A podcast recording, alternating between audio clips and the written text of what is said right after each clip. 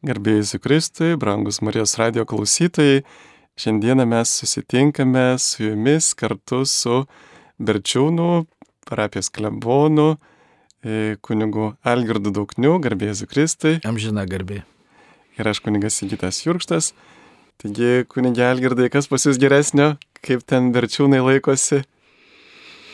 Sušalę Berčiūnai. Ir ateitininkų stovykla užšalus mačiau medienos prikrauta, reiškia, bus remontai stovykloje, o pas mus e, bandome e, tokias patalpas įsirengti papildomas, kad galėtumėm ir pirmai komunijai, ir sutvirtinimui, tai tokių ūkinių darbų, ne tiek intelektualinių, bet Taip. yra ir tų. Taip, man prisimenu Berčiūnuose, kai buvau toje stovykloje, atitinku tikrai buvo viena iš gal net pati geriausia stovykla, kurioje esu kada nors dalyvavęs, man atrodo labai svarbu jaunam žmogui turėti bendramžių, sustikti bendramžių tikinčių, kartu melstis, kartu gyventi, praleisti ilgesnį laiką susidraugauti, nes kitaip, kada jauną žmogų tėvai atveda į, į bažnyčią, kurioje yra daug nepažįstamų vyresnio amžiaus, dažnai senyvo amžiaus žmonių, tai nereikia tikėtis, kad jis joje pasiliks, bet jeigu susipažįsta su bendramžiais per stovyklas, per keliones į Teizę ir kitur, piligriminės kelionės, tai tikrai yra didelė tikimybė, kad jisai tikrai atras ne tik tą bendruomenę draugų, bet ir, ir gyvai Dievą susitiks. Na ir, o kaip kunigelgirdai jūs vertintumėte, čia neseniai nuskambėjo toksai skandalingai, taip pasirodė, bent jau buvo pristatyta katalikų tradicija LT svetainėje e, Pijaus X brolyjos apie E, popiežiaus ir socialistų marksistų dialogą, kaip jūs tai vertintumėte?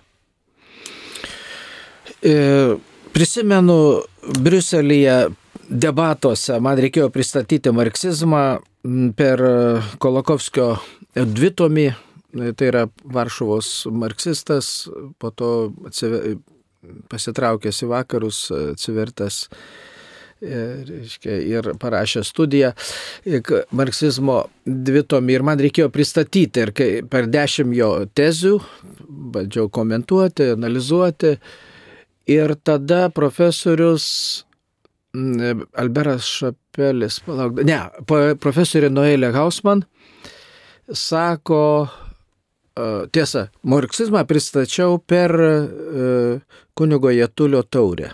Sakau, čia yra marksizmo uh, simbolis. Kodėl? E, todėl, kad ji, ta taurė pagaminta, tokia nedidelė taurytė, pagaminta Baikalė prie Baikalo 50 metais ir ji kainuoja milijoną. Ir sakau, jeigu jūs, e, kadangi Lietuva prarado maždaug milijoną žmonių, Tai sakau, jeigu jūs už žmogų mokėtumėt vieną dolerį, tai sakau, čia būtų milijonas dolerių. Jeigu už žmogų duotumėt daugiau, čia toks truputį sarkazmas, e, sakau, tai čia truputį daugiau kainuoja. Tai va marksizmo kaina. E, arba marksizmo eksperimentų kaina gal netgi.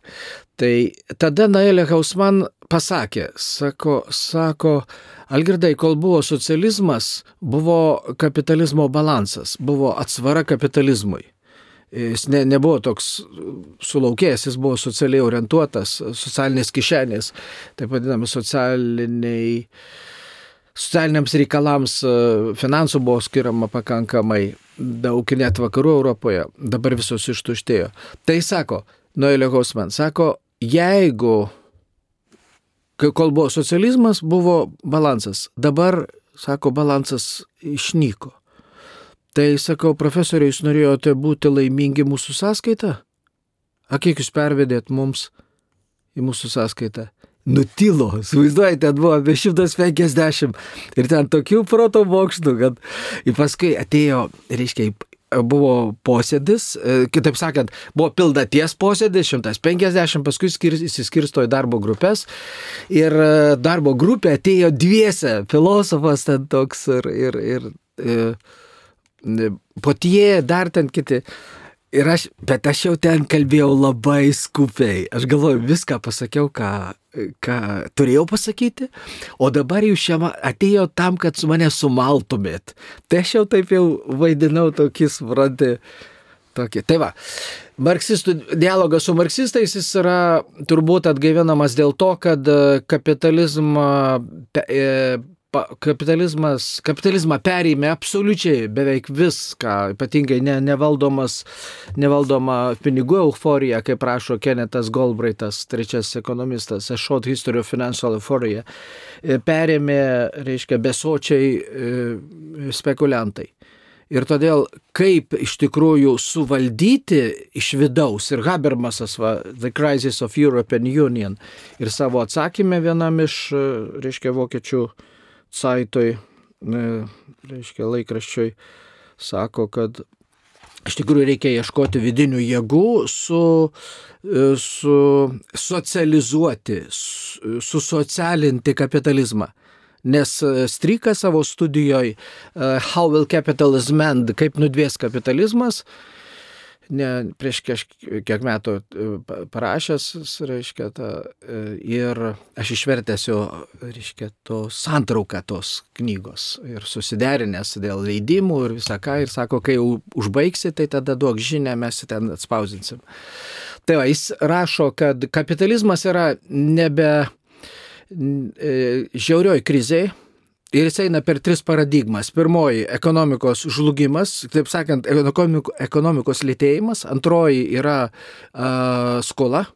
Ir trečioji atotrukis tarp turtingų ir vargšų. Pirmoji, reiškia, ekonomikos žlugimas. Pagal ekonominę teoriją, jeigu yra investicijos, pakankamos investicijos pinigų, pakankamas kiekis, tai ekonomikos augimas, kai pasiekia 8 procentus, jis padengia ir pakraščius, o matai, ir visi pakraščiai padengti. Kai ekonomikos augimas sulėtėja iki pusantro procento, įsivaizduoju, kiek čia yra nestabilumo, socialinės įtampos. Tai ir, ir dabar atrodo, tiek perpildyta rinka pinigų ir nėra pinigų.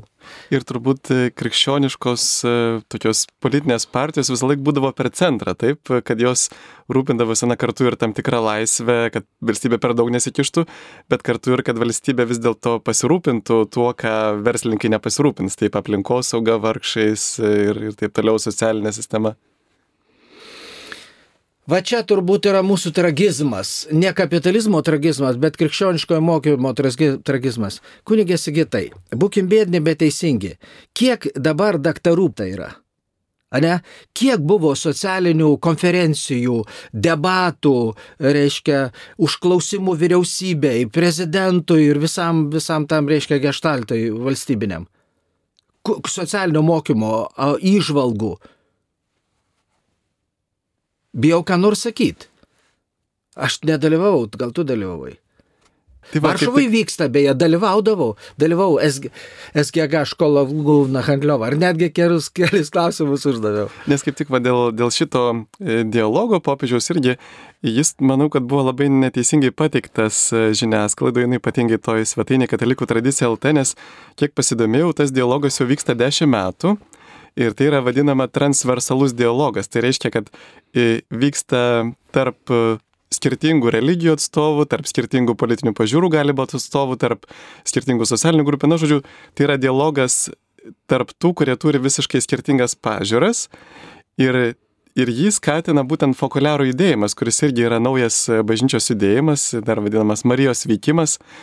Ir tame fokuliarų judėjime iškia gimė va, toksai nuo to susitikimo su popiežium, kad reiškia yra daug problemų, kurios nėra sprendžiamos, kaip ten aplinkosauga, vargšai ir taip toliau. Ir kad galima būtų vat, įkurti tokią dialogo grupę. Jau vyksta dešimt metų ta grupė. Ir jie būtent ir stengiasi tiesiog e, e, spręsti vat, tas problemas ir, ir tas dialogas padeda suprasti skirtingas perspektyvas, skatina pagarbą, toleranciją, padeda rasti bendrus sprendimus. Ir va kalbant apie socialistus, irgi tuos kairiuosius, taip ir, ir Lietuvoje yra kairiųjų, ir kairiųjų partijų yra visoje eilėje Europos šalių. Ir, ir šių dienų, taip, netgi kai kuriuose yra ir, ir valdų, ir vyriausybės e, kairieji. Ir... Bet e, kairieji ištirpia, pavyzdžiui, pas mus kur tie kairieji?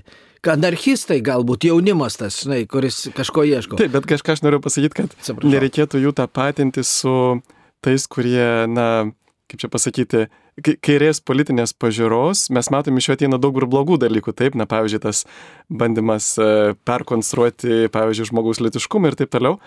bet apskritai tai mums reikalinga pusiausvyrą, taip, ir tarp dešinės, ir tarp kairės.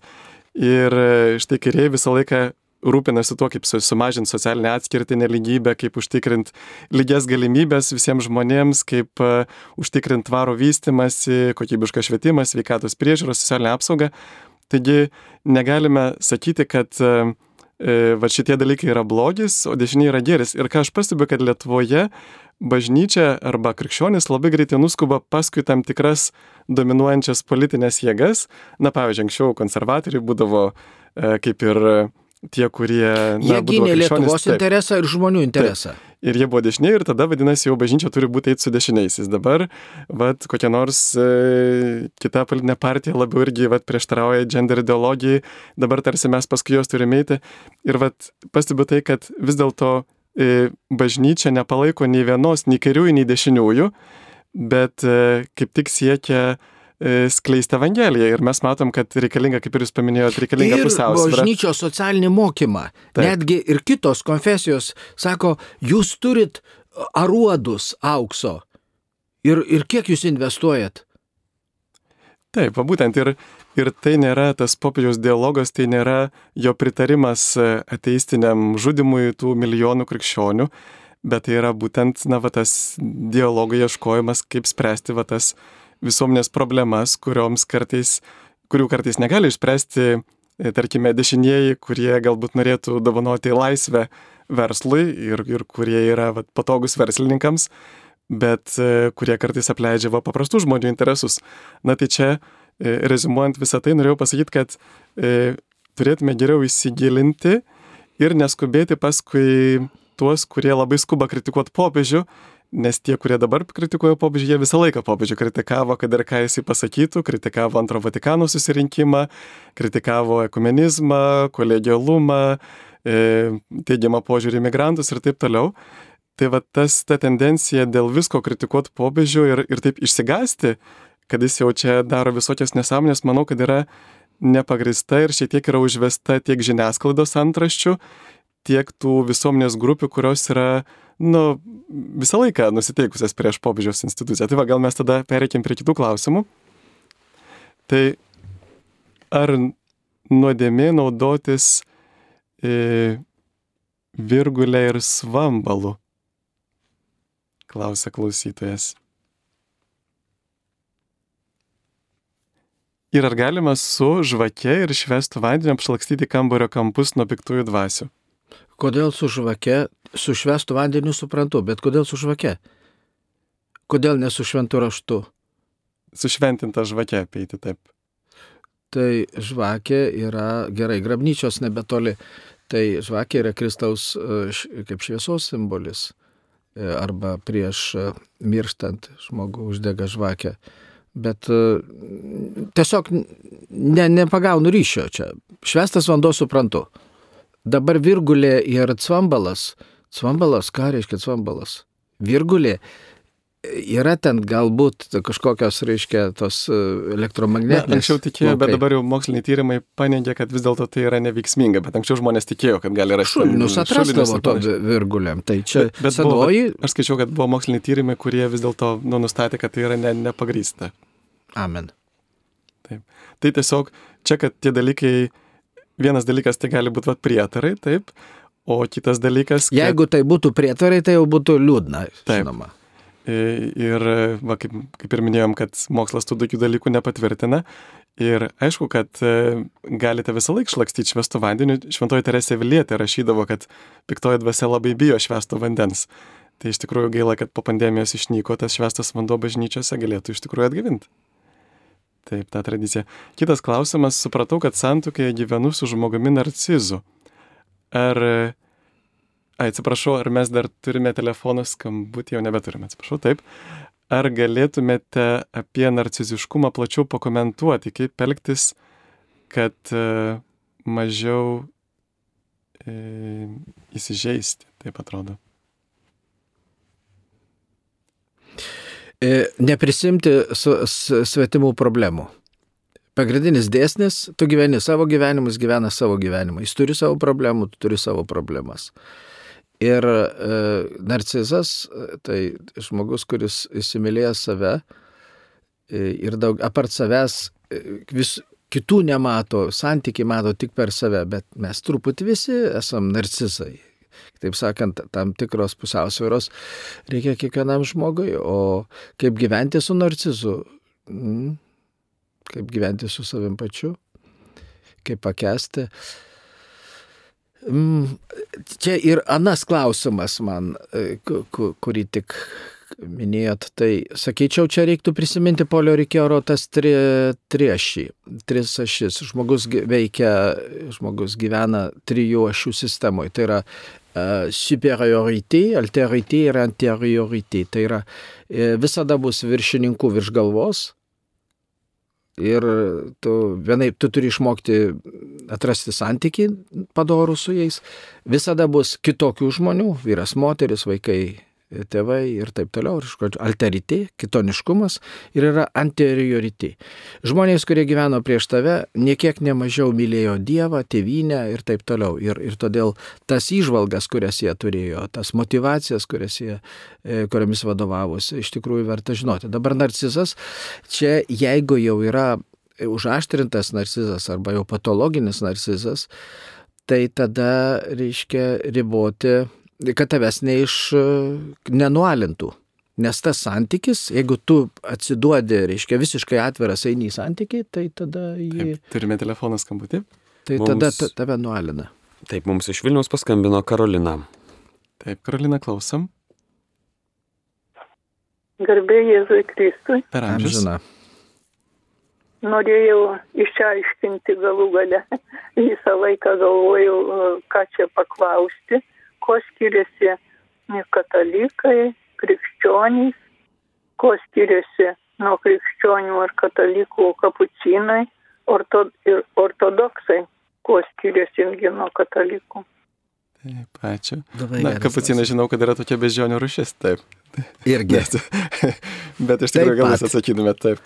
Taip, krikščionis yra pavardė, o vardas yra katalikas, sakytumėm paprastai. Uh, krikščionis tai yra, e, buvo pradėti vadinti Antijochijoje, kaip šventajame rašte parašyta pas Paulių, ir nuo žodžio Kristus. Ir visi tikintys į Kristų ir, ir priimantis krikštą yra krikščionys.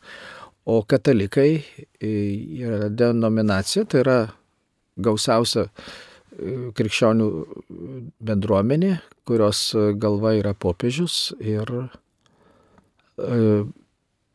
skilimai, tie garsų skilimai, tai yra pirmoji gal monofizitai, tai yra armėnų, bet dabar jau yra ir tam tikros sutartis, ir kad žmogiškoji prigimtis ištirpusi dieviškoje prigimtyje, kalbant apie Kristaus masmenį, kristologiją.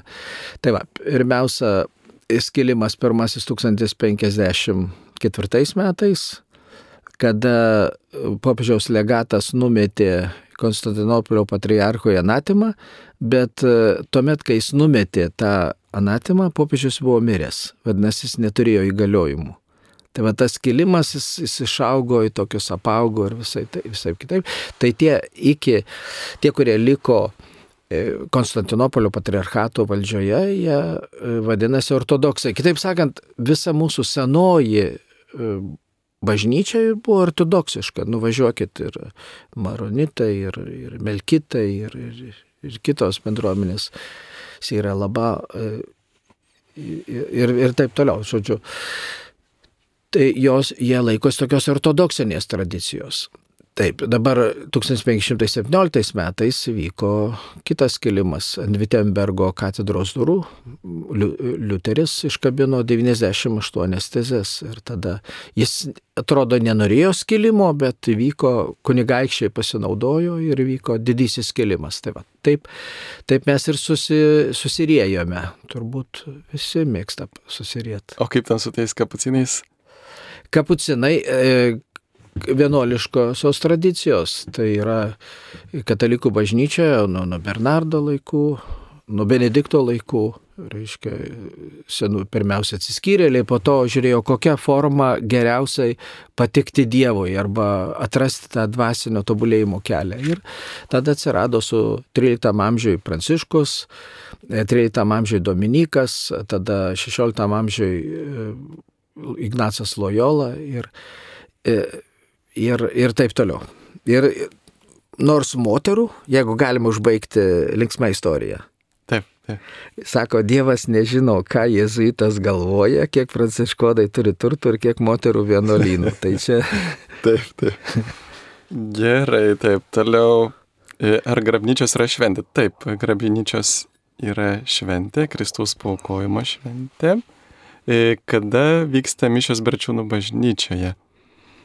Sekmadieniais 14 val. šeštadienį pagal susitarimą, o kitomis dienomis 8 val. ryto.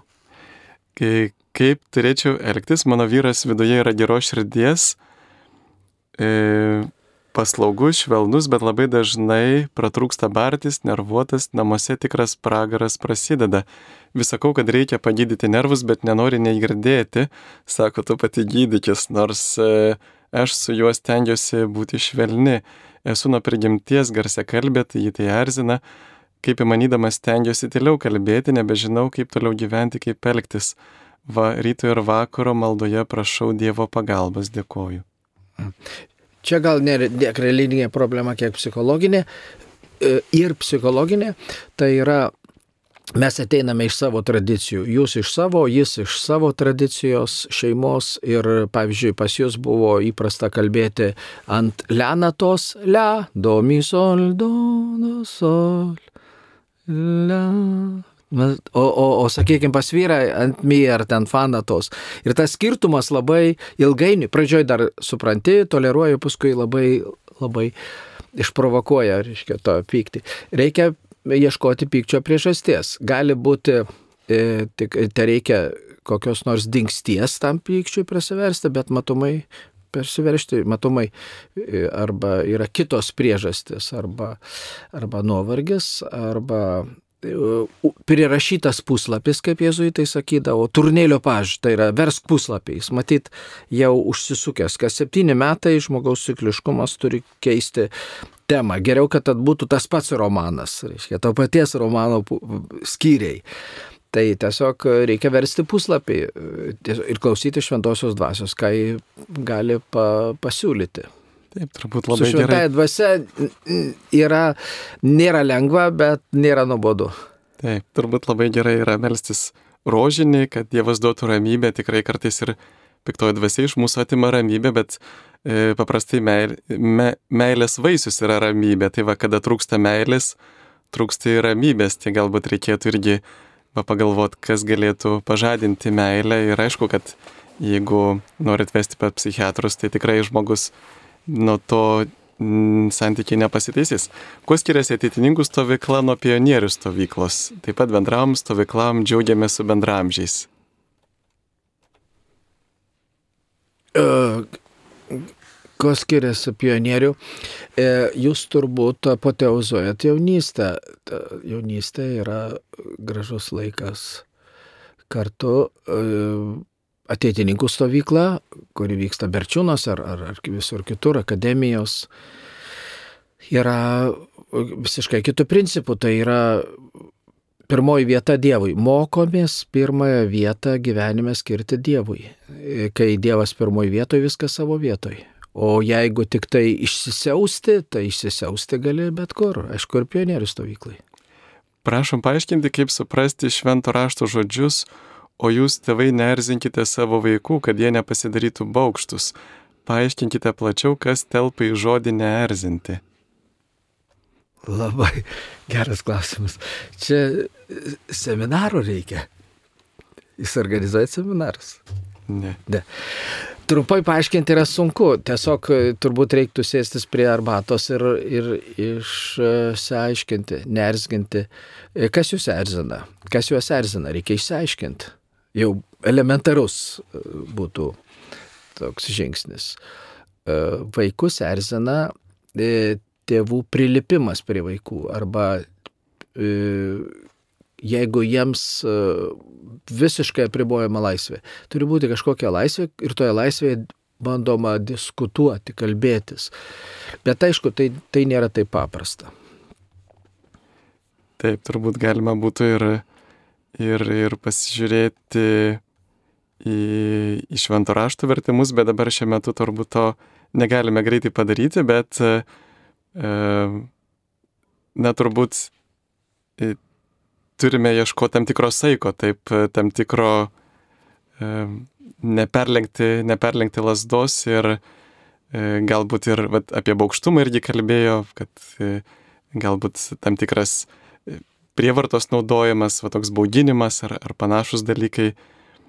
Tai bet kokiu atveju e, tai yra tiesiog meilės trūkumas, turbūt ar ne, erzina, paprastai vaikai erzinasi tada, kada jie nu, nori kažkaip pakengti kitam, va, kažkaip, e, kaip sakoma, liaudiškai panervuoti.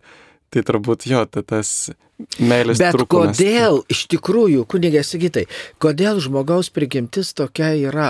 E, Čia, čia vien ant šitono negali nurašyti viską. Kodėl vyrai mėgsta kartais moteris paerzinti? Kodėl vaikai mėgsta suaugusius paerzinti? E, Tėvai, jie nesuprasdami, irgi gali paerzinti, arba norėti paerzinti, arba visą laiką letena. Prisimenu vieną mamą, reiškia, ant dukros letena tiesiog uždėjus, psichologiškai. Ir ta mergaitė, tai aišku, kad nepatogiai jaučiasi. Tai jai visiškai nėra augimo erdvės. Aš prisimenu tokį Bruno Ferrero pasakojimą apie tai, kaip e, mergaitė klausė mamos, kaip išlaikyti draugus ir mama paėmė smėlės, smėlio saują, į abi rankas ir vieną ranką sugniaužė. Ir kai jinai sugniaužė, visas smėlis iš, iš, išbirėjo pro, pro pirštus ir sako panašiai, kad jeigu mes stengiamės kitą sugniaužti, laikyti, kontroliuoti, tai kaip smėlis išbyra pro pirštus, bet jeigu jam gerbėme jo laisvę, bet aišku, vėlgi čia su vaikais, tai vėlgi ta pagarba laisvė turėti kartu su ugdymo auklėjimu, ne tai, kad e, palieki daryti, ką nori. Tai Metaforos turbūt, kad iškalbingiau kalba už žodžių gausumą. taip.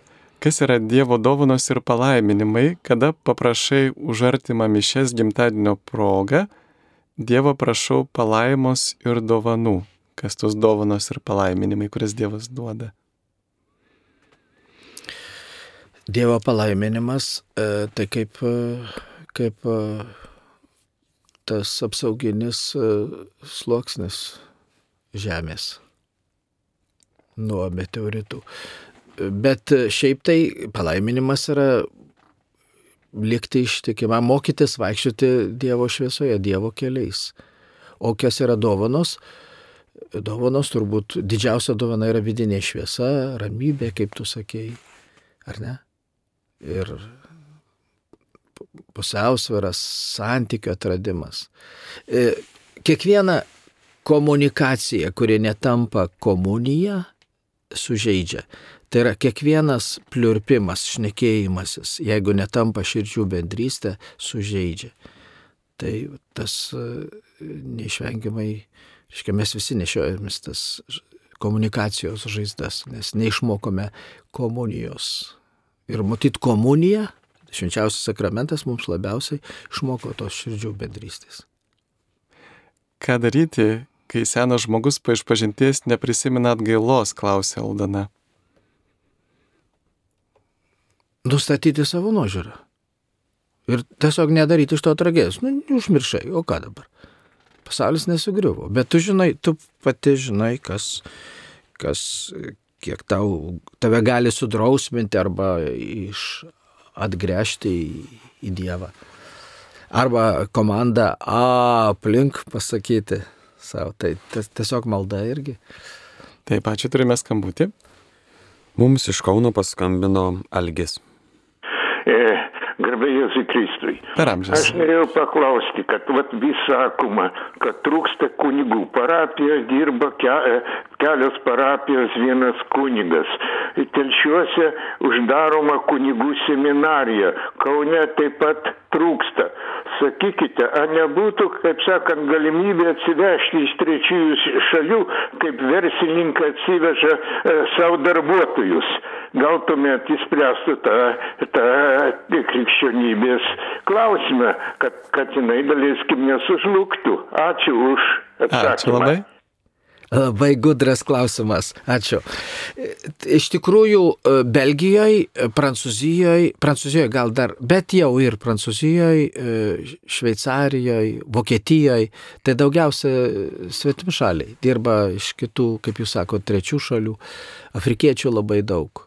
Anglijoje, Indų ir tikrai. Bet Lietuvoje gal nėra tos tradicijos ir pas mus.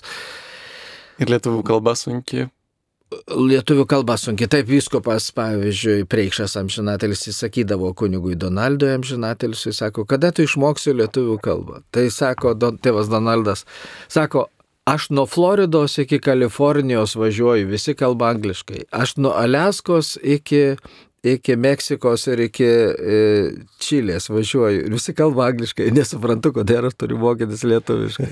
tai va čia turbūt, turbūt čia ir bus užkliuvimo akmuo, nes prancūzų mokė tai platus realas, plati, plati auditorija. Jeigu mokė vokiečių, tai jau siauresnė, jeigu mokė ispaniškai, iš viso plati. Ir turbūt turėtume tikrai labai su dėkingumu priimti tuos misionierius, kunigus, vienuolius, kurie išmoksta lietuviškai ir netgi puikiai kalba lietuviškai. Taip. Tai tikrai yra šio žodžio, taip. Domingo. Taip, taip. Ir, ir paskui tas Bosko. Aš vis prisimenu kunigą Domingo, kaip jis pasakojo, kad sako, dar pradžioje nelabai mokėjo lietuviškai ir žmonės prinešė labai daug visokių dovanų Ir jis norėjo pasakyti, kad labai daug visko atnešėte, bet sumaišė žodžius, sako, labai mažai visko atnešėt. Į kitą kartą dar daugiau prinešė, sako, tai kodėl tiek daug. Na, sako, juk skunditės, kad per mažai. Taip, bet e, dar vienas klausimas. E, melsdamas į devindienį netyčia praleidau vienos dienos maldą, tiesiog pamiršau. Kitą dieną pasimeldžiau už praleistąją. Ar taip teisinga, verta prasmingai elgtis, ar praleidus dieno, dieną devindienio malda laikoma neįvykusią, klausė Rima. Ba, bažnyčioje gal nėra tokios kolkozo buhalterijos. Taip, taip.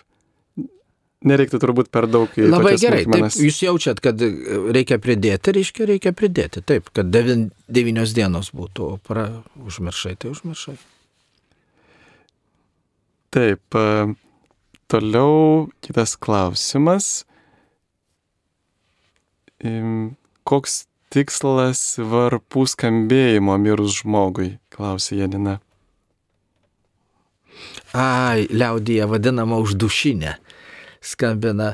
Tai kai girdi žmonės e, varpų skambinimą, tai yra trys ilgi su, per, su pertraukėlėm, tai yra ženklas, kad e, mirė parapijoje žmogus ir paprastai pamaldų žmonės sukalba viešpatės angelą.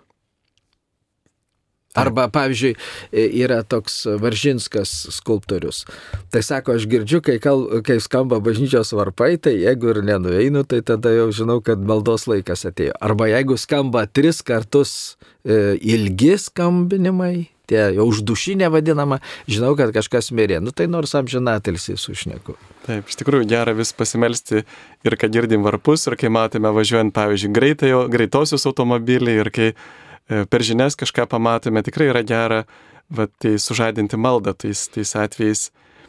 E, Ir socialinė, e, socialinė arba tiesiog pavojaus atveju skambindavo varpais.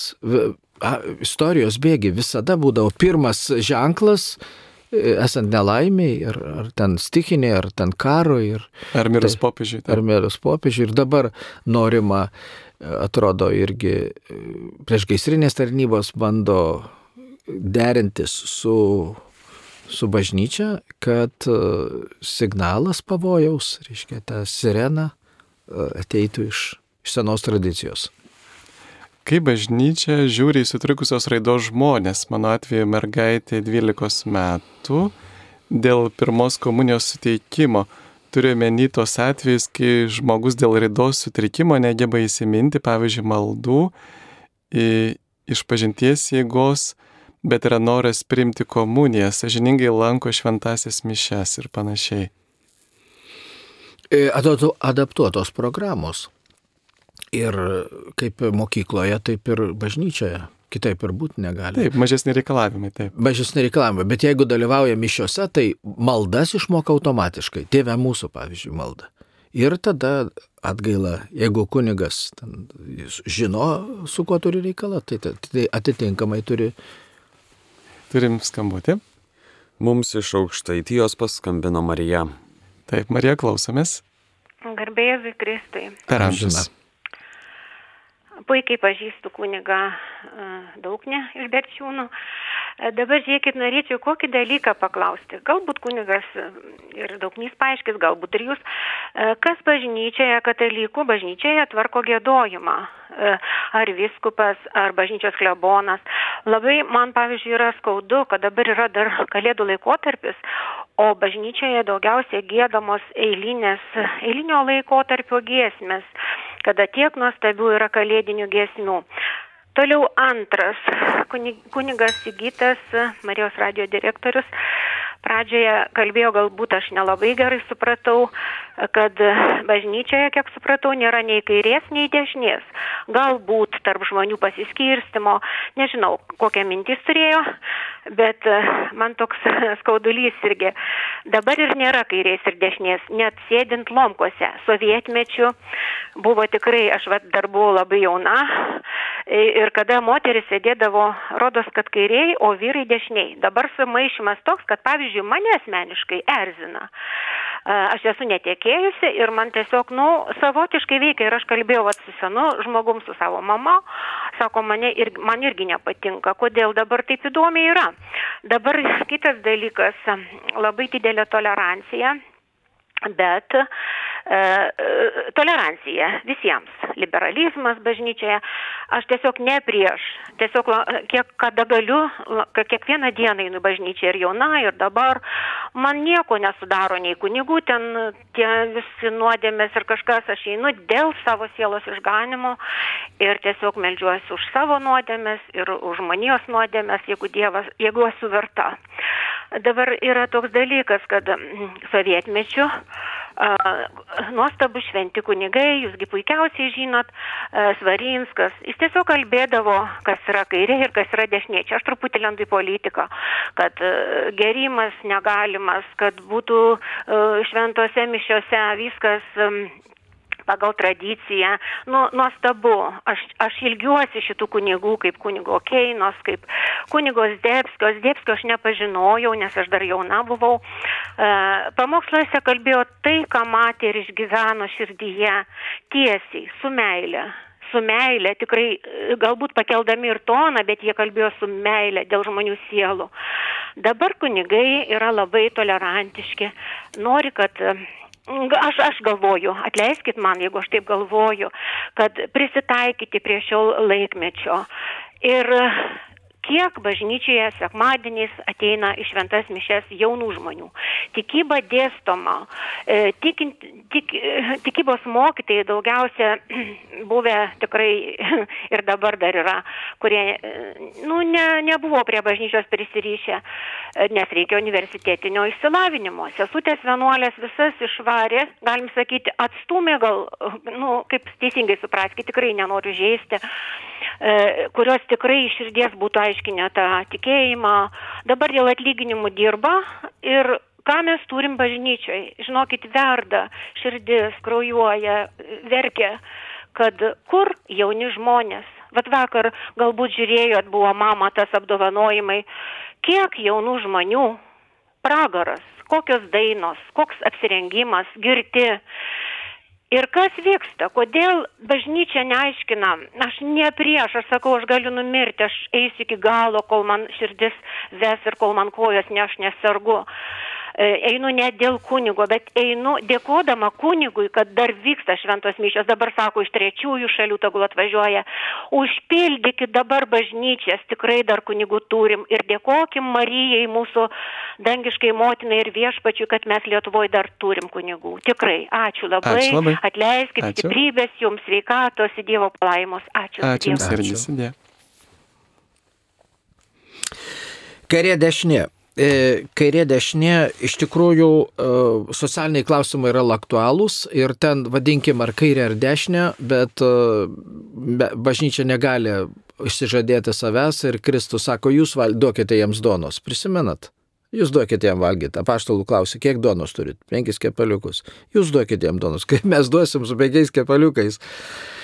Tai va, Jėzus padaugina. Tai mes turim bažnyčios socialinį mokymą. Tai kai kurie tą vadins komunizmu. Tai kai Metulaitį apšaukė komunistų.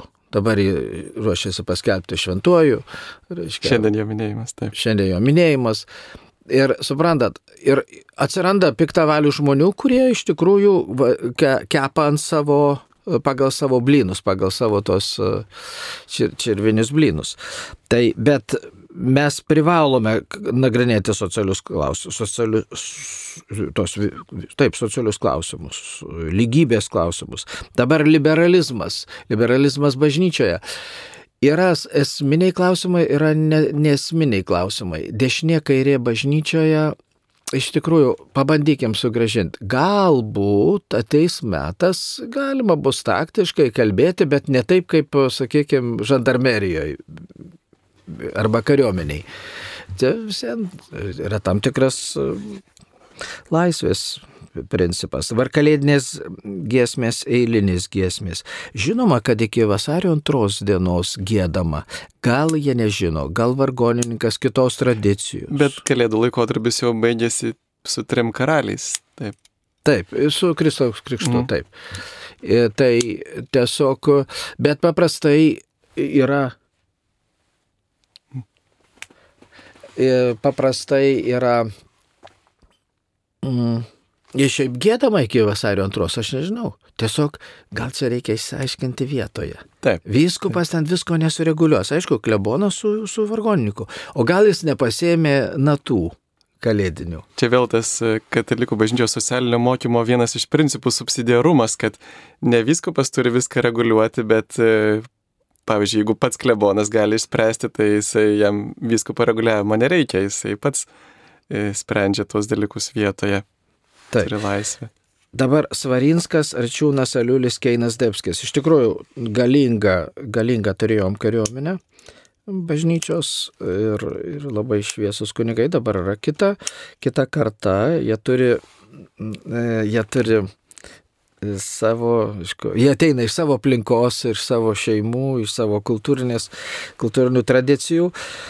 Tiesiog vėlgi reiks gal priim, išmokti priimti. Dabar e, tikyba dėstoma. Tikybos dėstomos, žinoma, reikia kompetencijos. Pirmas dalykas e, - tikėjimo, kaip jūs sakote, tai yra svarbiausia, bet reikia ir, ir didaktinių įgūdžių, reiškia, ir pedagoginių įgūdžių.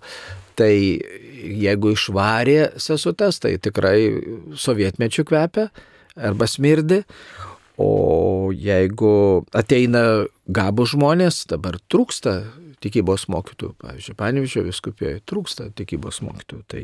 Ir seserų vienuolių labai trūksta irgi pašaukimų, taip. Ir kunigų pašaukimų trūksta, taip. Dabar mama apdovanojimą aš ne, nemačiau nieko. Tai aš buvau pas mamą šiek tiek mačiau, taip. Taip kad pragaras, tai žinoma, visa šio laikinė ta postkultūra. Taip, atkreipiau dėmesį į vedėjos aprangą, taip, atkreipiau. Mm. Pragaras. Tai jūs sakykit, tik šituo, ad, šituo adresu mes nelabai ką galim, o jūs tiesiog išsakykit savo nuomonę atitinkamu adresu. Taip. E, tai turime dar kitą klausimą. Turinami jie daug kryžių, keli didesni, kabantis ant sienų, mėgstu iš kelionių kryžių parsivežti, kažkada gaminau rožančius, keliasdešimt kryželių. Yra prietaras, kad negalima kryžių, daug kryžių turėti, kadangi tai yra kančios simbolis ir atneša kančiai namus. Netikiu tuo, bet pakomentuokit, prašo pranas. Kryžių reikia nešti savo, nesvetimą. Pirmas dalykas. Antras dalykas, namo kambarį. Na, ir, bet sako, nešiokite vieni kitų naštas. Paneškite visų nepaneši. Dabar kambarį paprastai reikia vieno gražaus stilingo kryžiaus. E, jeigu pas jūs yra e, hobis rinkti kryžius, tai tam turi būti atskiras kambarys ir ten kaip ir paveikslai, pavyzdžiui, pas žmonės ar kas. Taip kad, o kad kryžius atneša kančią, e, kaip tik kryžius po kryžiumi mes dedame savo kančias, savo rūpešius. Ant altoriaus dedame savo rūpešius. Mes nepanešime viso pasaulio rūpešių. Dabar, pavyzdžiui, didžiulė įtampa visuomeniai. Ne tik tai čia, bet visoje Europoje. Didžiulė įtampa. Dėl liberalizmo siautėjimo. Žmonės nebesupranta, kur yra pagrindiniai dalykai, kur, kur, kur ne, kas čia vyksta. Todėl neprisimkim visų rūpešių ant savęs. Socialiniai dalykai, juos turi spręsti valstybė, susivienimai, bendruomenės, o tu turi savo kryželį nešti ir, ir galbūt padėti ir visuomeniai nešti. Ir čia tas prietaras labai yra pavojingas dėl kryžiaus, nes kaip tik Jėzus per kryžių mus išlaisvina nuo piktosios dvasios, kuri mus vargina. Čia va prisiminkim apie Mozę, kuris iškėlė dikumoje e, gyvatę ir, na, tarsi tos nuodėmės simbolį. Ir tie, kurie žvelgė, pasveiko nuo gyvačių kandimų. Tai va Jėzus prisima nuodėmę, e, kaip tas gyvatės simbolį, taip ir jisai, kada jį žvelgiame, mes pasveikstam, jis mus išgydo savo žaizdomis Ir kažkas yra sakęs iš bažnyčios tėvų, kad žvelgite į Jėzų nukryžiuotę, kad nesugleptumėte dvasia. Tai kada mes žvelgiam į kryžių, kaip tik tada įvyksta ir Faustinai e, Marija kalbėjo šventai, kad tada laimėsi dvasinę pergalę, kada žvelgsi į kryžių. Tai tikrai turėtume nebijoti, bet kuo daugiau melstis prieš kryžių. Turime skambutį. E, ir noriu papildyti. Jeigu nori žinoti, kas yra laisvė, medituok kryžių. Žiūrėk į kryžių. Mums iš Žemaitijos paskambino Teklė. Taip, klausome. Garbė Jėzui Kristui. Per amžius. Aš noriu paprašyti, kad bažnyčios žmonės pašventintų daug donelis, bažnyčių pašventintų daug agotų donelis, tai persiųstų kaip nors Ukrainai. Tai yra dvasinis didelis ginklas. Dvasinis didelis ginklas. Jis labai stebuklinga ir donelį. Dabar kitas dalykas noriu paklausti, ar aš gerai darau, e, kada aukoju mišes, e, šitą aukoju, reiškia, už bedieviškas šeimas, bedievišką jaunimą, e, už, už atsivertimus ir savo, į, į savo intencijas dedu. Taip, Dabar dar noriu, dar noriu paprašyti, kad skaitytumėt knygą kunigo parašytą Baikalo, šitą tą Baikalo žvėjai gerbiamą Jurkšę noriu paprašyti, kad prie, prie Debskio knygos, ačiū labai, kas skaito Debskio knygą, pridėkite ten ir dar turite kokį dešimt minučių iki pat minu, šitą pabaigos valandos, skaitykit Vaikalo žvėjai. Tokie yra labai, buvau pradėjęs skaityti mažai studijai, bet Juratė Kodytė nuėmė tą knygą. Julius Ačiū labai. Ačiū, dėkojame.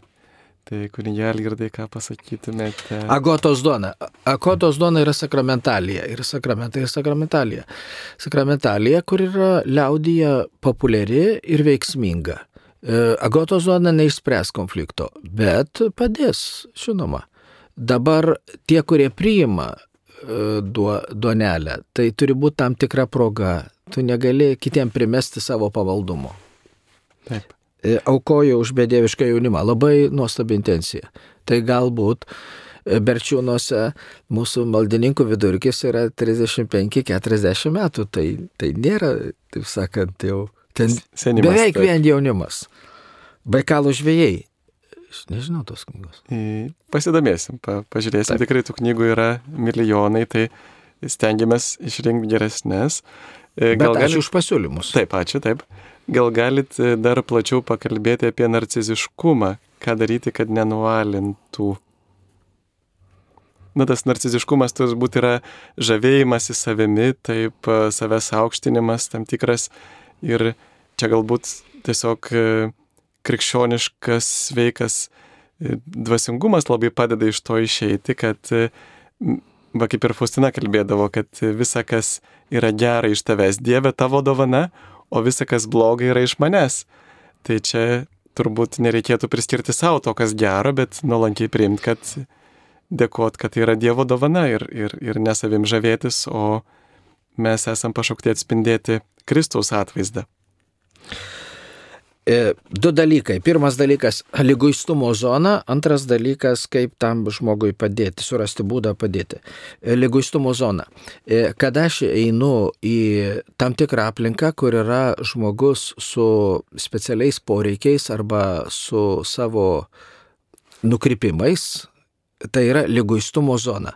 Ir todėl tavo dėmesys turi būti padidintas, kad neprisimtum svetimų bėdų ant savo galvos. Nes tada tas ir aišku, e, perkrovos zonoje tu labiau išvargsti, greičiau išvargsti. Todėl tu turi turėti laisvės zoną.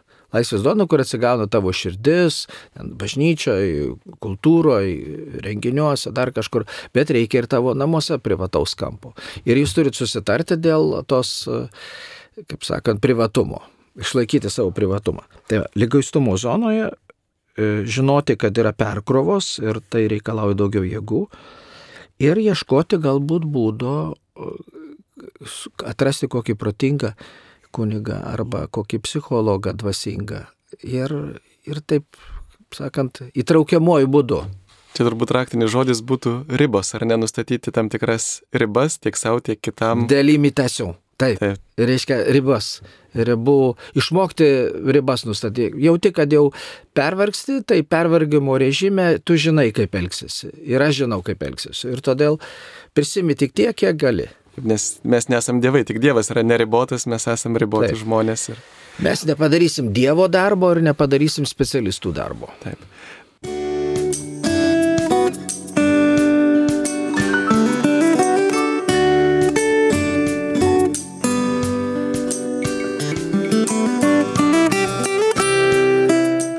Jums laiko su Marijos radiju.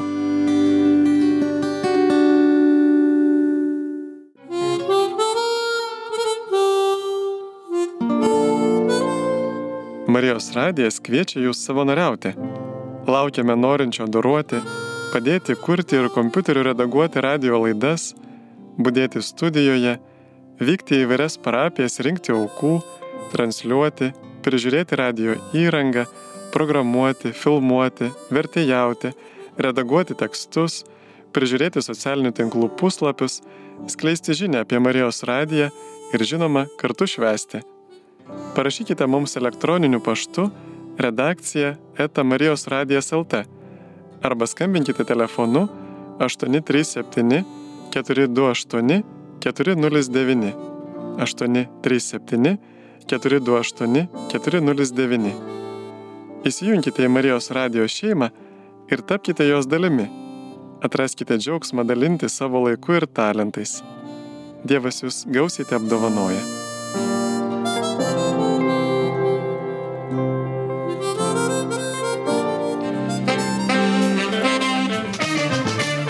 Čia Marijos radijas. Garbėjai Kristui, brangus Marijos radio klausytojai, grįžtame į laidą Klaus drąsiai. Su mumis šiandieną yra kunigas Algirdas Dauknys iš Berčiūnų ir aš kunigas Sigitas Jurkštas. Turim skambutį taip. Mums iš Vilniaus paskambino Danutė. Mano klausimas toks. Marijos radiją girdžiu nuo ryto iki vakaro, atleidžiam, atleidžiam, atleidžiam. Kas užmėtė gerbiamą kunigą Vilių Sikorskį? Kad jo nebekviečia gėdoti Evangelijos. Tik sakiau, be, be jokių išvedžiojimų. Kas galima, ko negalima, mes ir taip žinom, kas galima, ko viskas galima. Ir be to antras klausimas toksai būtų. Kodėl nėra pašaukimų? Niekas nepalaiko kunigų savi. Savi nepalaiko kunigų. Taip, ačiū. Dėl kunigo Sikorsko aš tiksliai nežinau, kartais ir patys kunigai atsisako dėl užimtumo tam tikrų tarnyšių, tai reikės paklausti. O dėl kunigų pašaukimų. Kodėl nėra kunigų? Gerbovis nusinešė. Geras klausimas. Bet geriau gal tegul lieka be atsakymo. Taip, iš tikrųjų Jėzus liepia melstį pėties šeimininką siūsti darbininkų, tai melskime. E, Briuselėje per dešimt metų buvo išventintas vienas kunigas, tai pas mus dar nėra taip tragiška. Briuselėje. Pusantro milijono. Neveltui Jėzus sakė, kad paskutiniai bus pirmieji, o pirmieji paskutiniai, tai iš tikrųjų Europą matosi e, toksai tikrai yra nuosmukis krikščionybės, bet pavyzdžiui, Afrikos šalise, Azijoje krikščionybė labai sparčiai auga, e, katalikybė ir katalikų bažnyčios skaičius. Taigi, kodėl kunigus puola įvairios lygos, gal kunigai melstis nebemoka? E, Kunigai žmonės ir jie galioja tie patys statymai kaip ir visiems. Tai e, kitas dalykas, labai geras klausimas, tai yra, e, kai kunigas galvoja, kad išgelbės pasaulį, kaip mes jauni arba mums įkvėpia seminarijoje eiti, evangelizuoti, daryti, ir tada žiūri, kad darai per daug ir, ir supranti, ir nebe, jau nebeapriepia, ir tada užmiršti ritmą E, kūno ritmą, valgymo ritmą ir taip toliau. Aš prisimenu per atgimimą, vakare prisimeni, kad pusryčių nevalgiai. Tai melstis nemoka, kai per daug užsiemęs ir nebelieka laiko. Jūs teisi, bet e, geras priminimas gal. Ačiū. Kaip Matulaitis irgi rašė savo užrašuose, kad kada žmogus per darbus apleidžia maldą, tai tuomet ir tas pats jo įkarštis išsenka be maldos ir tada ir darbai baigėsi. Tai tikrai sako, reikia E, dėl darbų neapleis maldos. Čia netgi, sakyčiau, yra piktosios dvasios pagunda per gerus darbus apleisti maldą. E, vyras įsitraukęs į ezoteriką dalyvauja daoistinėse stovyklose, skaito Kastanedą, ten rašoma apie šamanizmą, tapo praktiškai svetimu žmogumi, visai be atjautos pradėjo kalbėti, kad mūsų vaikai gali būti laimingi ir kitose šeimose, šeimoje įsivyravo tyla ir priešiškumas, kaip išsaugoti šeimą. Bet čia daugiau lektizmas, daoizmas tai yra daoizmas ir tai nėra šamanizmas. Ir tiesiog da, dao taip pat pripažįsta dievybę vieną. Tai e, tiesiog... Bet aišku, kad Staneda jau kalba apie tuos visokius psichodelinius narkotikus, apie halucinacijų sukelimą ir panašiai. Ten. Mhm. Čia turbūt reiktų jau labai konkrečiai su uh, tuo žmogumi ar su ta aplinkas, tos aplankos žmonėmis, uh, reikia, kad įeitų vienas kitas uh, geras specialistas. Nes iš tikrųjų čia ir skiriasi e, tikėjimas arba religija nuo e, stabmeldystės, nuo tokios magijos, būtent va, šitie burtininkavimai kaip tik ir padaro E, kad tai jau nebėra žmogaus kelias pas Dievą, bet tai yra žmogaus noras pasinaudoti kažkokiom jėgom dėl savo savanaudiškų tikslų, o ne ieškoti Dievo valios. Tai yra visiškai priešinga tokiam nuoširdžiam Dievo ieškojimui. Taip, turime skambutį. Mums iš Kauno vėl paskambino Algis. Klausome. E, e, Garbė Jėzui Kristui. Aš, aš norėčiau jumis paklausti, artėjo grabnyčios, tai iškili išdidi šventė. Reiškia, bažnyčia tikrai gražiai šitą šventę paminė. E, reiškia, būna per mišės, reiškia tik gaila, kad trumpai dega žvakės, tai paskui toks trumpas laikotarpis kuningas pasako, kad reikia, kaip sakant, tas žvakės išgesinti. Antras dalykas, noriu paklausti, e, e, šitą šventę, grabnyčią, tai yra surišta su grabu. Tai aš įsivaizduoju, kad turėtų būti bažnyčia grabas, aplink tą grabą turi būti žvakių ir garbintų šitą grabą. Jeigu tam grabe tu numirsi, tai eisi greitai į dangų.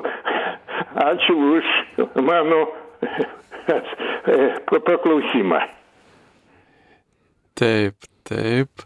Na, aišku, būtent, kad e, tas pavadinimas iš tikrųjų yra iš lenkų žodžio gromnica.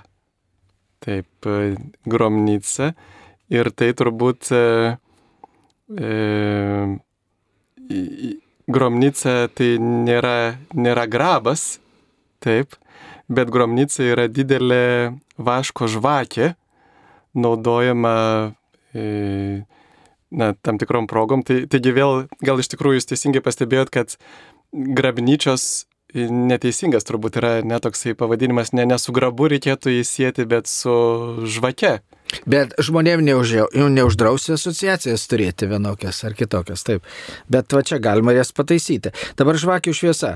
E, kodėl trumpai? Todėl, kad e, bažny grindis aplašina. A kas tada iš, neišsiplauna vaškas? Ir tada reikia gramdyti. Tada vėl, žodžiu, praktiniai dalykai. E, didžiulės žvakių procesijos vyksta Liurde, Fatimoje, e, specialios pamaldos būna tam skirtos. Žinoma, kad tai teze taip pat penktadieniais.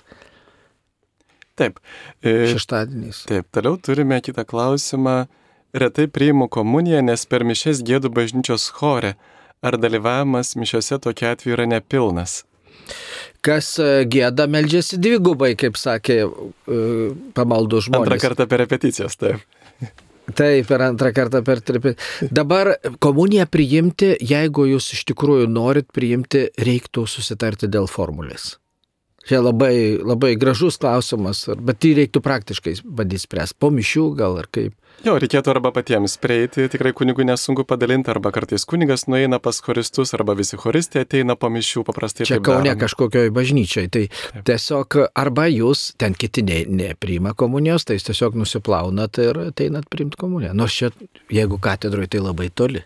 Taip, kartais tiesiog choristai pakaitomis eina, kad, kad nenutrūktų gėdojimas. Tai čia reikia. Jeigu nedidelė bažnyčia. Taip. Ar tai bus antikrikščioniškai, jeigu neduodu savo telefono numerio žmogui, nes labai apkrautų savo psichologiniam problemam, kurių negebu padėti spręsti? Apie bendravimo ribas. Ačiū. E, jūs genialė moteris, sakyčiau. Jūs savo sąžinę jaučiat, ką jūs turite daryti ir ką jūs neturite daryti. Ir kaip, žinoma, labai teisingai, kodėl jis apkraus mane problemų, ką aš paskui su tuo darysiu.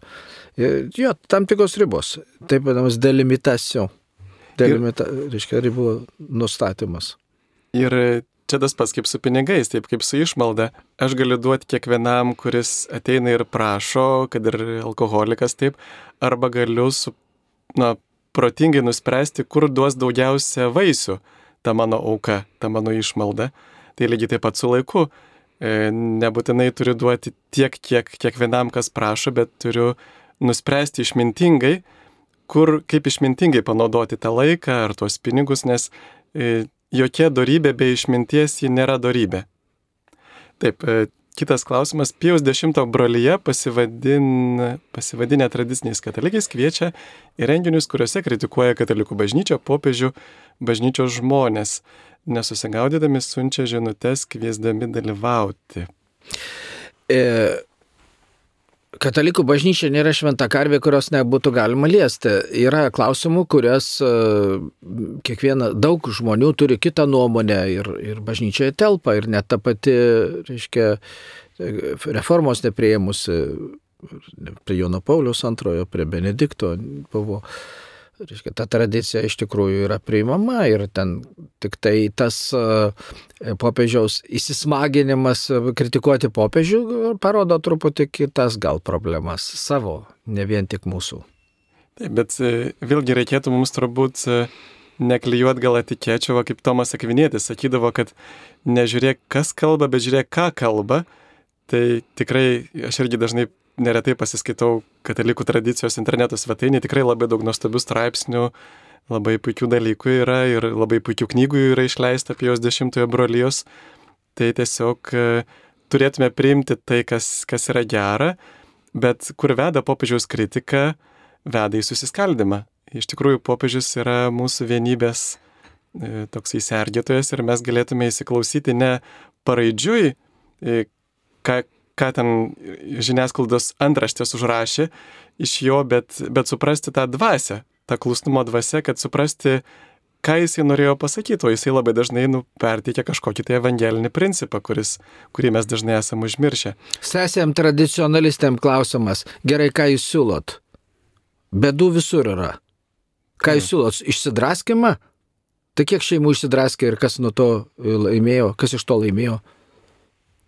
Taip, bet, bet aišku yra gerai, kad jie yra, kad yra Pijaus dešimtojo brolyje, kuri va, pabrėžia tas e, tradicinės Primena, vertybės, taip, ir, ir, ir ištraukia iš užmaršties, išverčia įvairias knygas, tai aš manau yra labai gražių tarnystė ir tik tai turėtume ieškoti tokios, na, va tokio dialogo, nes o kodėl popiežius kalba apie dialogą, čia turbūt ir mes iš patirties žinome, kad kada nustoji bendrauti su žmogumi, tada velnės gali įkvėpti daugiausia įvairiausia piktų minčių, melagingų dalykų, bet kada su to žmogumi susitinki, tu pamatai, kad tai buvo netiesa.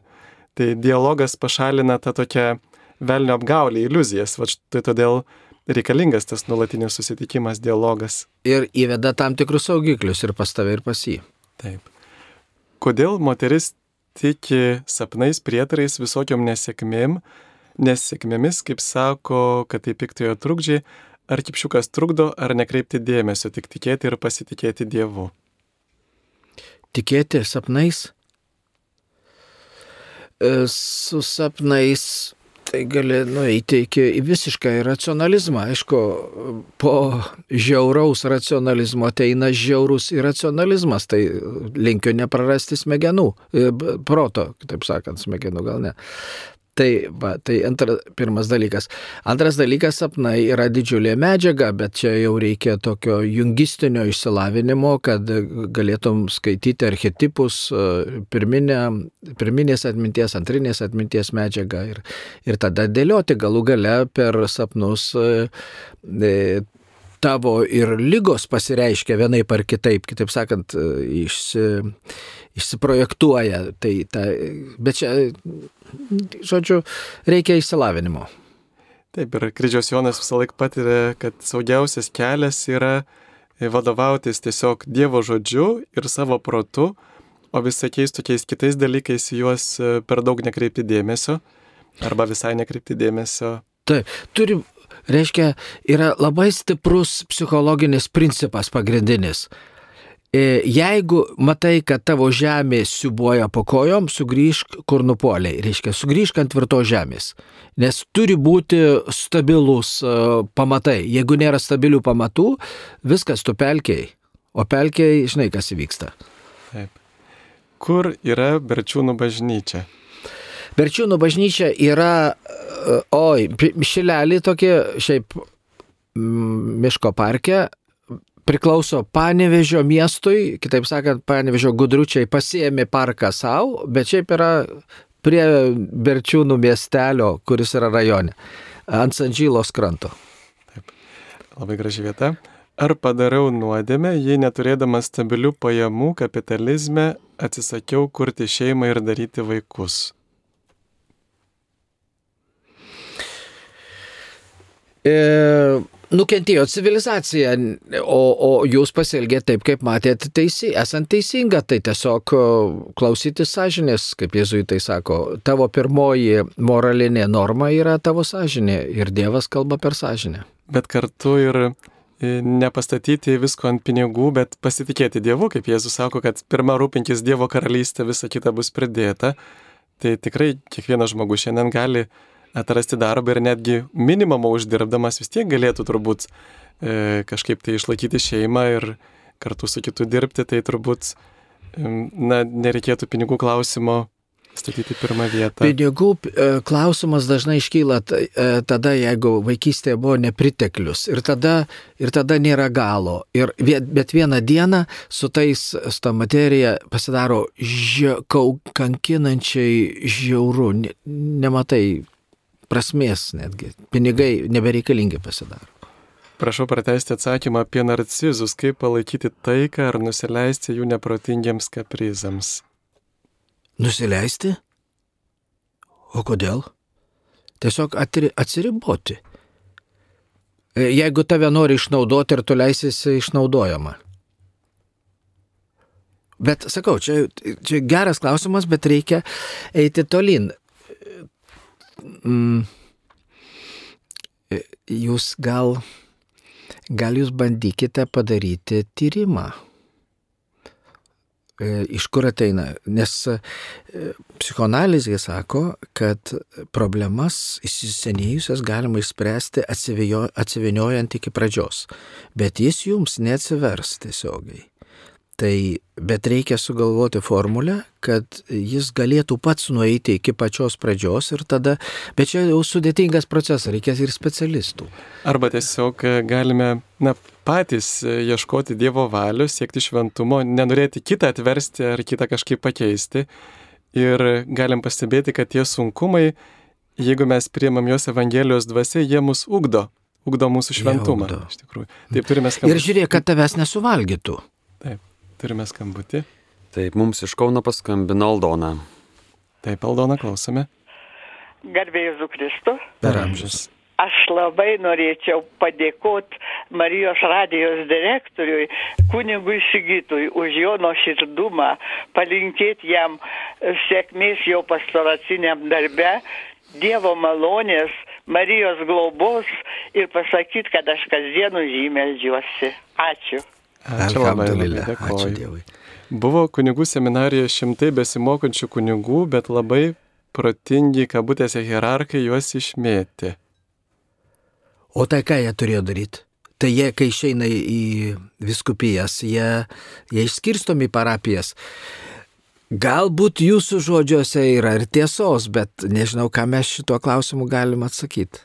Na, aišku, ne hierarchai turbūt sprendžia kunigų pašaukimo klausimą, bet jie paveda seminarijos vadovybei ir mes turim pasitikėti. Kad... Ai, išmėto iš seminarijos. Taip, turim pasitikėti, kad tie žmonės, kurie veikia viskup, viskupo vardu ir gavę šitą įgaliojimą, na, kad jie stengiasi išmintingai ir turbūt nereikėtų galvoti, kad tada, kada ateidavo šimtai, kunigų, šimtai klerikų, kad jie visi ateidavo su gerais ketinimais. Turbūt, bet gal šiais laikais labiau ateina jau tokie tikrai turintis rimtesnių ketinimų. Girdėjau vieną, vieną kitą viskupą sakant, kad jo išmėtė be reikalo. Nežinau, galbūt. Gal jūs pasakyti, čia tegul Dievas. Taip, teisė, taip. Priklauso nuo atveju. Garbėsiu Kristui, žinau kasdien besimeldžiančią moterį, kuri nusileidus saulėje už durų klauso kaimynų pokalbius. Ar tai krikščioniška? Nu, gal tie pokalbiai labai įdomus. Jeigu garsiai kalba, kodėl nepasiklausius? Jau tai gal kvailai atsakyta, bet, bet jį turbūt savo problemų turi, arba rūpi svetimas gyvenimas, vieną dieną jį nepa, nepaneš tokio. Todėl svarbu ne tik kalbėti Dievui, bet ir jo klausytis, ką Dievas kalba, kaip mes turėtume gyventi. Mums iš Raseinių paskambino Ona. Taip, klausome. Garbėjai Kristai, brangieji. Norėčiau sužinoti vieną dalyką. Socialiniuose tinkluose paplito gerbiamo direktoriaus toks paraginimas, kad kažkokį prenumeruoti anglišką Marijos radiją variantą per kažkokį kontribėję ir nurodyta pinigų suma vieną minutę 2 eurai, 5 minutės 10, 10 minučių 20 ir riba nuo 0 iki 10 tūkstančių. Ką tai reiškia? Ar čia kokie komerciniai jau Marijos radijos laida bus? Nu kažko nesuprantam, gal galėtumėt paaiškinti. Taip, ačiū. Aš pasidalinau tokios Contribui platformos nuorodą, kur galima paremti Marijos radiją prenumerata. Tai reiškia, kad vieną kartą užsiprenumeravus, ta suma, ar tai 2 eurai, ar 20 eurų, ar kiek pasirinksite, nuskaičiuojama kiekvieną mėnesį. Ir ta kontribybė yra lietuviška, lietuvių sukurta platforma, o dėl tų skaičių ten tiesiog yra leidžiama įvesti kokią nori sumą. Tai čia neina kalba apie komerciją, bet, kaip žinote, Marijos radijas nieko neparduoda, negauna jokių absoliučiai pajamų iš nieko, iš jokių reklamų, bet išlaikyti Marijos radiją kainuoja apie 70 tūkstančių eurų per mėnesį. Tai mes tiesiog prašome jūsų paramos ir labai džiaugiamės, kad remiate. Taip, Ačiū, kad remiate. Taip. Ir dar šitą klausytoją, Ona iš Raseinių, dabar nepaminėjo, bet pirmai klausė, ar tie, kurie neužsiprenumeruos, negirdės radio? Ne, ne, ne, čia su tuo tikrai nesusiję. Taip, tai nėra, nėra apmokestinimas Marijos radijo, bet tai yra dar vienas būdas patogiai paremti. Nes toks reguliari parama, ji padeda, nu ir mums patiems galbūt nepamiršti, va mes tarsi įsipareigojame, kas kad nereikėtų kiekvieną kartą ieškoti ten tų kodų, pervedimų, galim vieną kartą užsiprenumeruoti, kad, pavyzdžiui, kiekvieną mėnesį būtų pervedami, pervedamos lėšos Marijos radijai. Taip. Bet darant pervedimus arba perkant internetu arba duodant leidimą nuskaičiuoti, turite patartina saugiai turėti atskirą kortelę ir ten pastoviai privesti, nes jeigu dabar yra tiek pri, pri visą, kad vienas žmogus sako, aš atėjau iš pasivaikščiojimo, žiūriu, nuo mano sąskaitos nukeliauja 5000 eurų į bitkoinų banką. Oho. Sako, aš skambinu policijai, Sako, mes nieko negalim padėti. Tai kaip mano akise, be mano leidimo? Tai čia kažkoks kosmosas, supranti. Taip, iš tikrųjų, geras patarimas. Garbėjusiu Kristoje žinau kasdien, ai, atsiprašau, šitą skaičiau. Vienas kunigas pasakojo, kad išėjus sielai iš kūno, mirus žmogui, varpų skambesys lydi ją į dangų. Ar galime plačiau būtų papasakoti apie šį procesą, klausė Dominika. Kaip metafora. Taip. Ar galima savo verslu užsiminėti už aukas, nemokant mokesčių, juk iš kunigų už padarytas paslaugas irgi mokesčiai pinigų nereikalauja? Nesupratau klausimą. Ar galime savo verslui nemokėti mokesčių, nes ir kunigai nemoka mokesčių?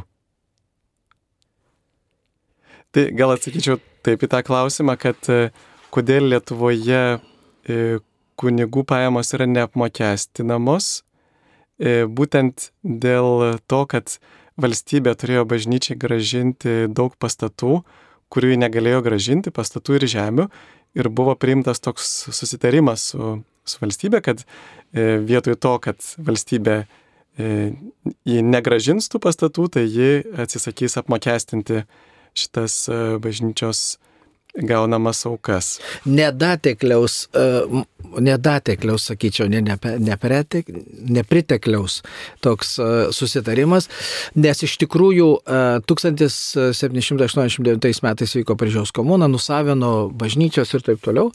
Ir tada Belgijoje ir Metso viskupijoje Alzase buvo nugražintos, bažnyčių negražino, bet visiems kunigams e, tarna, ir tarnautojams, tai yra vargonininkui, zakristijonui, sekretoriai e, ir, ir referentams moka simbolinius e, atlyginimus. O, o kunigai atlyginimų negauna, tai gerai iš ko iš, išgyventi, iš, iš oro.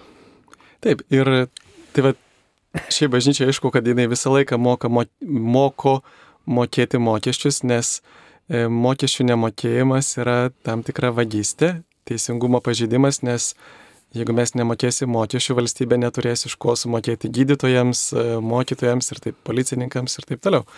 E, kaip 40 metų žmogui be pirmos komunijos, bet norinčiam ją priimti, nuo ko reikia pradėti? E, registruoti savo parapijoje ir, ir tiesiog tai, e, kursus lankyti ir tada jūs priimsite ir atliksite pirmą išpažinti, priimsite šventą komuniją ir sutvirtinimo sakramentą. Taip, ir būna tas vadinamasis suaugusių. Jeigu santoko, taip, jeigu santokos neprimta ir. Saugusiai katechumenatas, tai vadinama.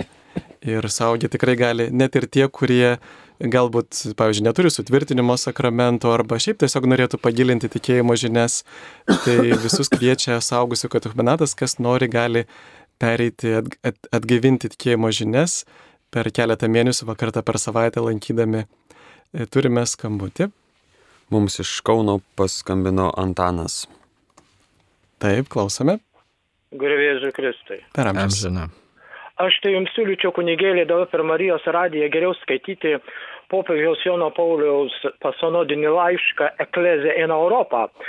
Šitam laiškė kaip tik mini apie įvykius, kas vyksta šventoji žemėje.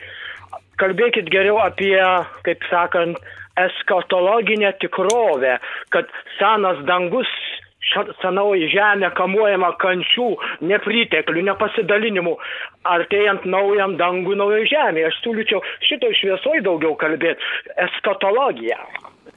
Taip, ačiū labai geras pastebėjimas. Iš tiesų turbūt tie tokie sudėtingi įvykiai gali priminti mums, ką Jėzus kalbėjo apie paskutinius laikus. Taip. Taip, e, man, mano mėgiama tema, bet supranti, labai greitai gali pasikabinti ant marksistinio arkliuko, reiškia, kalba apie e, kažkokią tai, būsimą tikrovę ir užmiršta pareigas žemiai. Taip kad uh, turi būti balansas. Ir kad, kad reikia klezija į Europą, Eklezija ant Europą yra Europos e, krikščioniškos šaknys. Vat štai turiu Jono Paulius antrojo knygą, co Jan Pavel II mówi o zjednoczeniu Europai. Tai čia visos irgi sudėtos jo pasisakymai. Taip, turim neprarasti vilties, matydami. Neprarasti vilties, taip. Žodžiu, e, nenusiminti, nes tobulas yra tik ponas Dievas. O visi, visi mes esam pažeisti, sužeisti, santykiai irgi ten, taip sakant, banguojantis ir, a, ir taip toliau. Taip. E, dar turim labai nedaug laiko ir turim daug klausimų, gal dar suspėsim trumpai juos atsakyti. Trumpai. Ar prieš gimstant Kristui buvo šventoji dviejybė, o jam mirus pasidarė šventoji trejybė? O tai iš kur Kristus atėjo? Ne iš trybės? Taip, Dievo žodis įsikūnijo ir... Taip. Antras, antroji Antras... tikėjimo tiesa, antrasis švenčiausias trybės asmo e, tapo žmogumi ir numirė dėl mūsų išganimo. E, noriu paaiškinimo, kaip turėčiau pasielgti e, porai, kuri rimtai galvoja apie tolimesnius santykius, yra pamylę vienas kitą, būdų giliai tikintis, tačiau šiuo metu negali dar priimti santoko sakramento. Ar bendraudami intimiai jie gyveno nuodėmingai, ar gali eiti sakramentų, gal yra kokia alternatyva? Labai geras klausimas. Ką tu pasiūlytum? Na, vis dėlto bandyti gyventi skaiščiai ir tol, kol iš tikrųjų pavyktų sudaryti santoką, pasiryšti, priimti palaiminimą. Kiek leidžia galimybės e, gyventi skaičiai. Skaistumas atsiperka.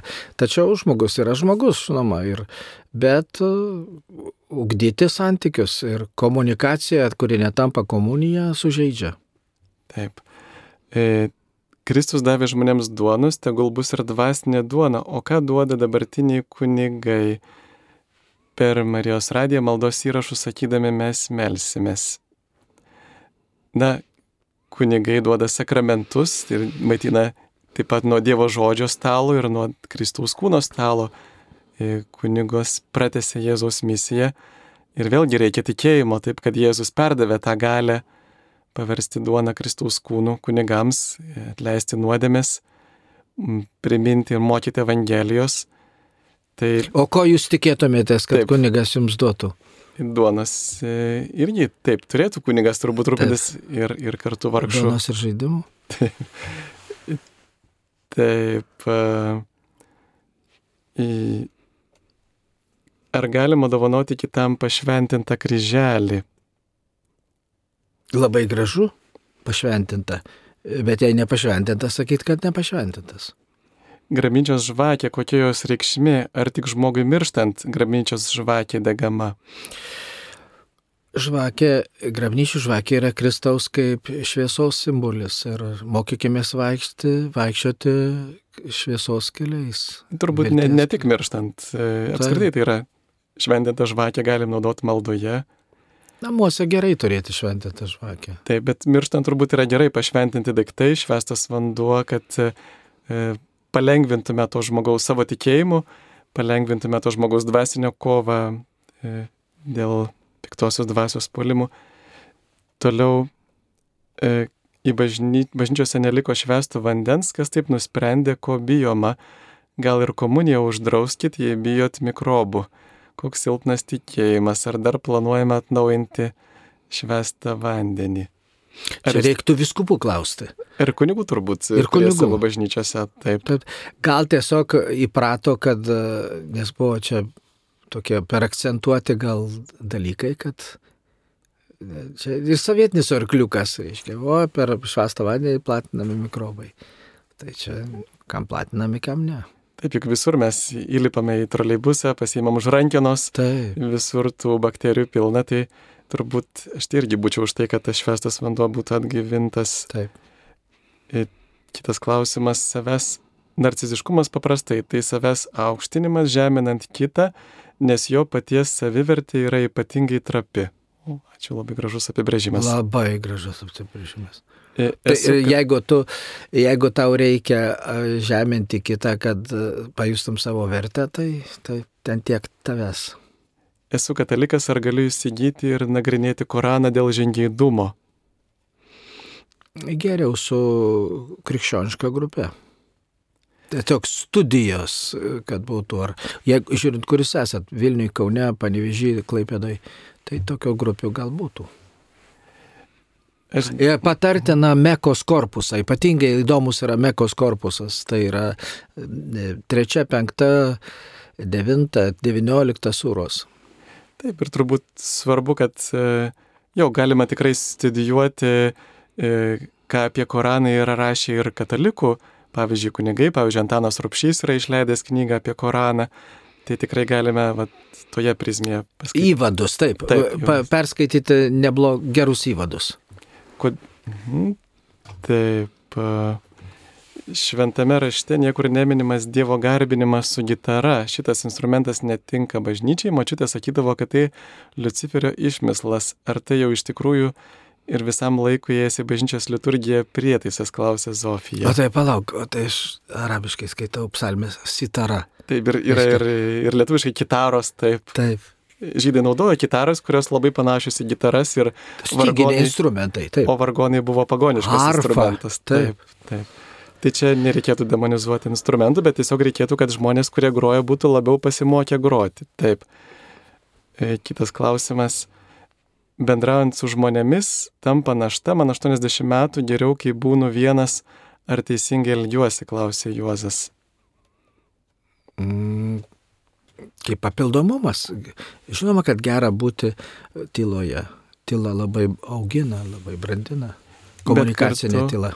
Bet kartu, kada mes atsiribojom nuo kitų, yra puikiai dirba aukti mūsų puikybė, nes mes tada galvojam, kokie mes ypatingi ir geri ir, ir nesuprantam, kaip kitus žmonės Dievas irgi yra apdovanojęs. Tai nors yra nelengva būti su kitais ir piktoji dvasia mums trukdo būti su kitais, bet mes turėtume išmokti artimo meilės, e, kaip kitaip išmoksim, jeigu nebūsim su kitais. Šia laikinė politika ir politikai bando e, katalikiškumą nugrūsti privačią sferą, bet ar gali būti katalikiškumas be socialinio matmens?